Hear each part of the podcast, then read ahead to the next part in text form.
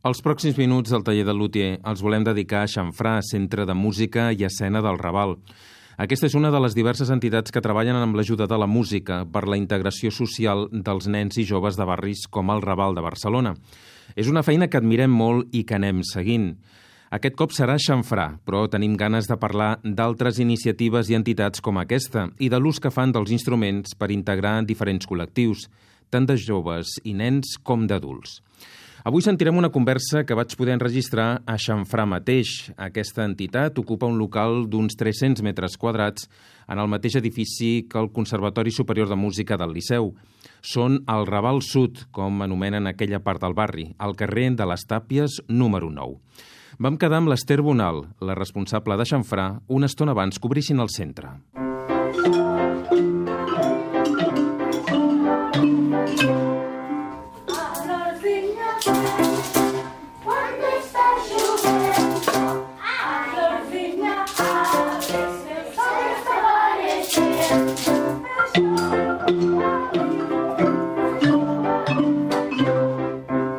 Dia, Esther. Bon dia. Som a Xanfrà. Aquesta taula aquí feu la vostra activitat? Sí, aquí a Xanfrà tenim quatre aules, bastant grans totes quatre, aquesta és la més gran, i el que fem bàsicament és tallers de música, teatre i dansa, com a elements que es converteixin o com a llenguatges que siguin garants del dret a la participació cultural de tots els nens i nenes i de la gent gran també. Anem al començament. Què és Xanfrà? Xanfrà és un centre de música, teatre i dansa, però que el que fem és fer-la servir d'eines de motivació i d'eines meravelloses per compartir, per treballar convivència, per treballar educació estètica, amb nois i noies i famílies, perquè cada vegada més ara també fem coses amb mares i nadons que estan en situació de vulnerabilitat, també amb, amb adults amb, amb diversitat funcional, intel·lectual en aquest cas, i després el gruix-gruix és amb nens de 4 fins a joves de 20, 21, 22 anys. També tenim una coral de mares, hi ha diferents coses.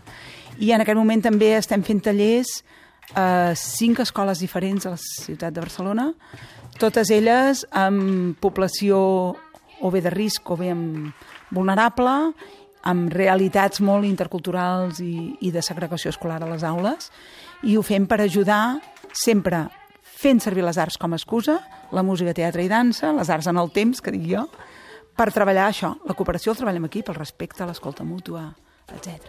I quin paper juguen els instruments en la vostra activitat?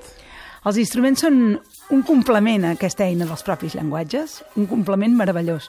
Per nosaltres tant són instruments, les pilotes quan fem bàsquet beat, amb el Josep Maria Aragà i amb tota la gent de bàsquet beat, com quan estem tocant cajones i gembés o bateria, que els torna bojos, o la guitarra, i des de fa un temps hem començat també violí, eh, viola, violoncel, també ten... bueno, tenim un contrabaix, que encara no tenim professor de contrabaix, i també estem fent clarinet.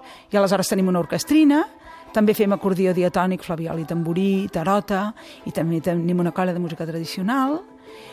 L'instrument és un element de responsabilitat pels nens, és un element de cura, és un element preciós els fascina tenir-lo, endur-se a la casa, cuidar-lo, els preocupa si se'ls trenca una corda amb un violí, i això és, és un, un factor importantíssim per l'educació d'una persona, eh? de tenir cura de les coses, saber que l'instrument ara te'l pots endur a casa, però és un instrument del centre i que, per tant, si un dia tu no el fas servir, un altre nen el farà servir. I tractem amb la mateixa cura una darbuca, un xilòfon, que un violí o flauta. De seguida anem a parlar directament d'aquests instruments que teniu, però abans has dit així com t'ha passat a Basket Beat, que ho consideres un instrument, que és això, per qui no ho sàpiga? Basket Beat són uns tallers que es fan de fet, Basket Beat és, és tota una filosofia educativa que se la va inventar en el seu dia Josep Maria Aragall i que l'està elaborant moltíssim, a més a més. Ell és educador social, són un equip amb la Mom i el David, ara són tres. Estan treballant molt i molt bé i tenen una proposta que té a veure amb treballar perquè ens entenguem o perquè el públic ens entengui, si mai heu vist els Stomp o Mai Humana, o... No, a vegades és fer servir elements molt quotidians, i pels joves una pilota ho és del tot. De fet, els primers telers de bàsquet el Josep Maria els van a fer a les canxes de bàsquet del Raval, van a buscar els nanos que jugaven a bàsquet al Raval, i es fan servir com a instrument musical. De percussió, però a més a més s'hi afegeixen veus, es barregen amb altres instruments. Ells, de fet, tenen una orquestra que s'estava convertint en bastant famosa amb això, però per mi el, el que és més interessant és tot el que es cou durant el taller. No? Hi ha una sèrie de consignes, hi ha una sèrie de rituals que formen part de, de, del respecte, del poder treballar junts, de que necessitem tenir un ordre i un rigor per poder fer la feina i que no és una cosa obligada, sinó que és una cosa volguda. I això passa tant amb el bàsquet beat com quan treballes conjunt instrumental orf, com quan fas orquestra, o quan aquí a Xanfrà fem coral, jo sóc del món coral i crec que cantar és el primer instrument i el cos, i, i per tant treballem moltíssim tots aquests aspectes, però sempre fent música junts. Deia Casals que la música és el llenguatge universal. Això ho viviu cada dia? Realment, doncs fe que és així? Sí, la música és un llenguatge universal perquè transcendeix el fet cultural, perquè és intrínsecament humà, perquè et connecta, no? Ara tots els neurocientífics i tothom parla dels hemisferis i del còrtex i de tot això, però és ben cert que és així, no? Si a més a més la relaciones i la vius conjuntament amb, amb una disciplina tan lligada a la música com és la dansa, i en el nostre cas, a més a més, estem treballant amb els joves a teatre arguments, reflexió social, des del teatre, el còctel és transformador, realment. Et permet incidir en les expectatives o en, fins i tot en l'imaginari de les persones que ho viuen. No? I arriben a, a adonar-se'n de que poden fer coses que no s'havien ni imaginat que podrien fer. Ja no només a l'hora de fer música, de cantar, de tocar, de ballar o, o de fer teatre, sinó a l'hora de què dedicar-se a la vida, què poden fer a la vida. I això passa. Nosaltres tenim ara alguns adolescents que fa 8, 9, 10, 11 anys que venen a xamfrar i ells mateixos t'ho verbalitzen. La conversa la vam haver d'aturar justament aquí, perquè en aquell moment va arribar el Josemi, un noi sec. Tu vols dir alguna cosa de per què t'agrada tocar la guitarra aquí a Xamfrà? Porque, bueno, es, es que desde pequeño yo eh, me empezó a gustar la guitarra y por eso que me gusta tocar la guitarra. Y le gusta mucho cantar. Y me gusta sí. cantar también, sí. Sí. Sí, sí. ¿Cuándo viniste de Perú? ¿Cuánto tiempo Yo, hace? bueno, ahora tres años, porque vine en el 2013. Uh -huh. Sí. ¿Por qué te gusta tanto la guitarra? Pues porque um, cuando yo era pequeño escuchaba a mi, a mi tío tocar la guitarra y me empezó a gustar ahí, en esa época. Uh -huh. Y dice que dice, voy a estar como mi tío pa, para tocar guitarra. Y por eso que me gusta.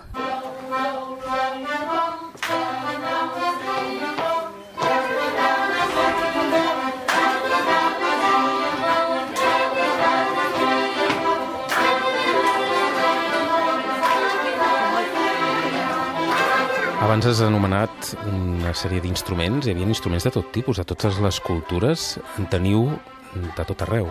Sí. Com us arriben? Uh, bueno, hi ha, hi ha hagut de tot. Hem tingut, alguns els hem comprat, els ha comprat la Fundació L'Arc. Després també, algunes vegades, ens ha passat que, que això ha passat ja en aquí al Raval un parell o tres vegades, d'instruments requisats, de músics de carrer, que han passat més de 3 anys i no s'han reclamat. I aleshores, la primera vegada que va passar això, jo estava al Miquel Terradell i ens van trucar de la Guàrdia Urbana que els anaven a, a cremar. I vam dir que no, que no, i jo vaig anar amb bosses d'escombraria gegants i vaig fer un paquet per cada escola. Ara jo, això està molt més organitzat, a vegades ho, ha fet, ho han fet els companys de l'escola de músics, a vegades s'ha fet des de l'Ajuntament, i cada vegada que hi ha una tongada d'aquestes, que aquí entres en un altre conflicte, que és que jo crec que no s'haurien de requisar els instruments en els músics de carrer, i ara ja aprofito per fer una crida a l'Ajuntament de Barcelona i a veure si fan uns quants quioscs d'aquests tan bonics que hi havia abans i que al País Basc encara en queden molts i es fa un bon cicle de música al carrer perquè ja està bé perquè ja està bé i perquè com l'altre dia deia en Joan Font el director dels comedians i que m'ha fet llegir, rellegir una altra vegada el discurs de l'Orca no? si alguien está hambriento dale medio pan y un libro no? perquè potser el llibre l'ajudarà amb ell a tirar endavant i a poder aconseguir medio pan per un altre que esté hambriento. Però és que si no, no sé què, a què estem jugant. Hi ha una, una moral de doble raser que costa molt de pair. A través de les xarxes socials veiem aquests últims dies que necessiteu instruments. Fèieu una crida d'un tipus de violí més petit, oi? Sí, perquè ara han començat alguns nens als casals i són petitons i aleshores els professors de violí em deien que si podíem aconseguir violins mitjos i tres quarts, violoncels també ens en fan falta d'aquesta mida i alguns clarinets. Ens, és el que més ens fa falta. Si no ho aprofitem nosaltres o si ens en vingués una llau, també els col·loquem perquè tenim els companys de Riu Orquestra, que també necessiten instruments, els Voces i Música per la Integració en la Paz també fan servir instruments i són orquestres, i, eh, per exemple, a mi me'n van donar d'un magatzem que tenien a la caixa allà a l'Hospitalet, ens van, vam recollir una sèrie de material, que alguns estan aquí, però els que no hem fet servir nosaltres estan en un projecte a Terrassa també, en un, en un barri de Terrassa, van venir a buscar i teclats MIDI tot el que els hi sembli que pot sonar i que pot funcionar, és veritat que a vegades no donem l'abast d'anar-ho a buscar perquè són molt pocs i perquè... Però en aquest moment sí que aquesta crida... També hi ha una campanya important de l'UIU que s'està fent amb escoles municipals de música i seria fantàstic que d'alguna manera ens poguéssim organitzar per tenir com un banc d'instruments i que la, la gent que tenim un instrument a casa que no el fem servir perquè l'havíem tocat de petits o així, que se li pugui donar un ús perquè realment, primer que els instruments s'han construït per ser tocats, no per estar tancats en un armari. Per tant, donem-los. Donem-los i que els nens els toquin. I que, a més a més, els hi siguin elements de cura. No? Nosaltres ens han ajudat des de lutiers fins a això, fins a fusters que et comentava abans, que ens han encolat i ens arreglen coses, i a vegades ens, ens hem d'enfadar una mica si no tenen prou cura de l'instrument els nens, però tot això forma part de l'educació i forma part de, de l'aprenentatge. Ara parlaves dels lutiers, teniu gent que us ajuda una mica amb el manteniment dels instruments o, o també fan falta? També fan falta, serien molt benvinguts. Jo sé que n'hi ha alguns que ja ho estan fent i alguns que a vegades són lutiers o que són aficionats a temes de fusta o a temes així. No per construir-te un instrument, però sí per, per això, doncs per arreglar una esquerda o per sobretot encolar tapes, Clar, si se't trenca una boquilla d'un clarinet, doncs moltes vegades acabem comprant-la i et gastes els 40 euros i compres una boquilla d'un clarinet. Però és anar trampejant, anar trampejant. I si no, jo també hi ha vegades hi ha instruments que, o instruments o llibres o així que els compres tu de la teva butxaca i ja està. Què cal fer? Com es poden donar aquests instruments?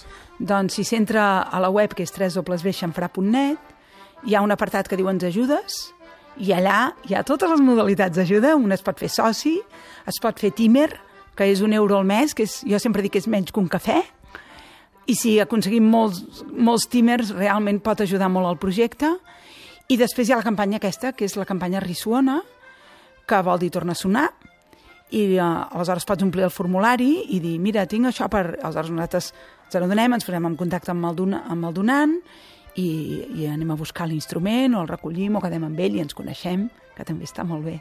Esther Bonal, moltíssimes gràcies, moltes felicitats per la vostra tasca i per molts anys. Gràcies a vosaltres, moltes gràcies.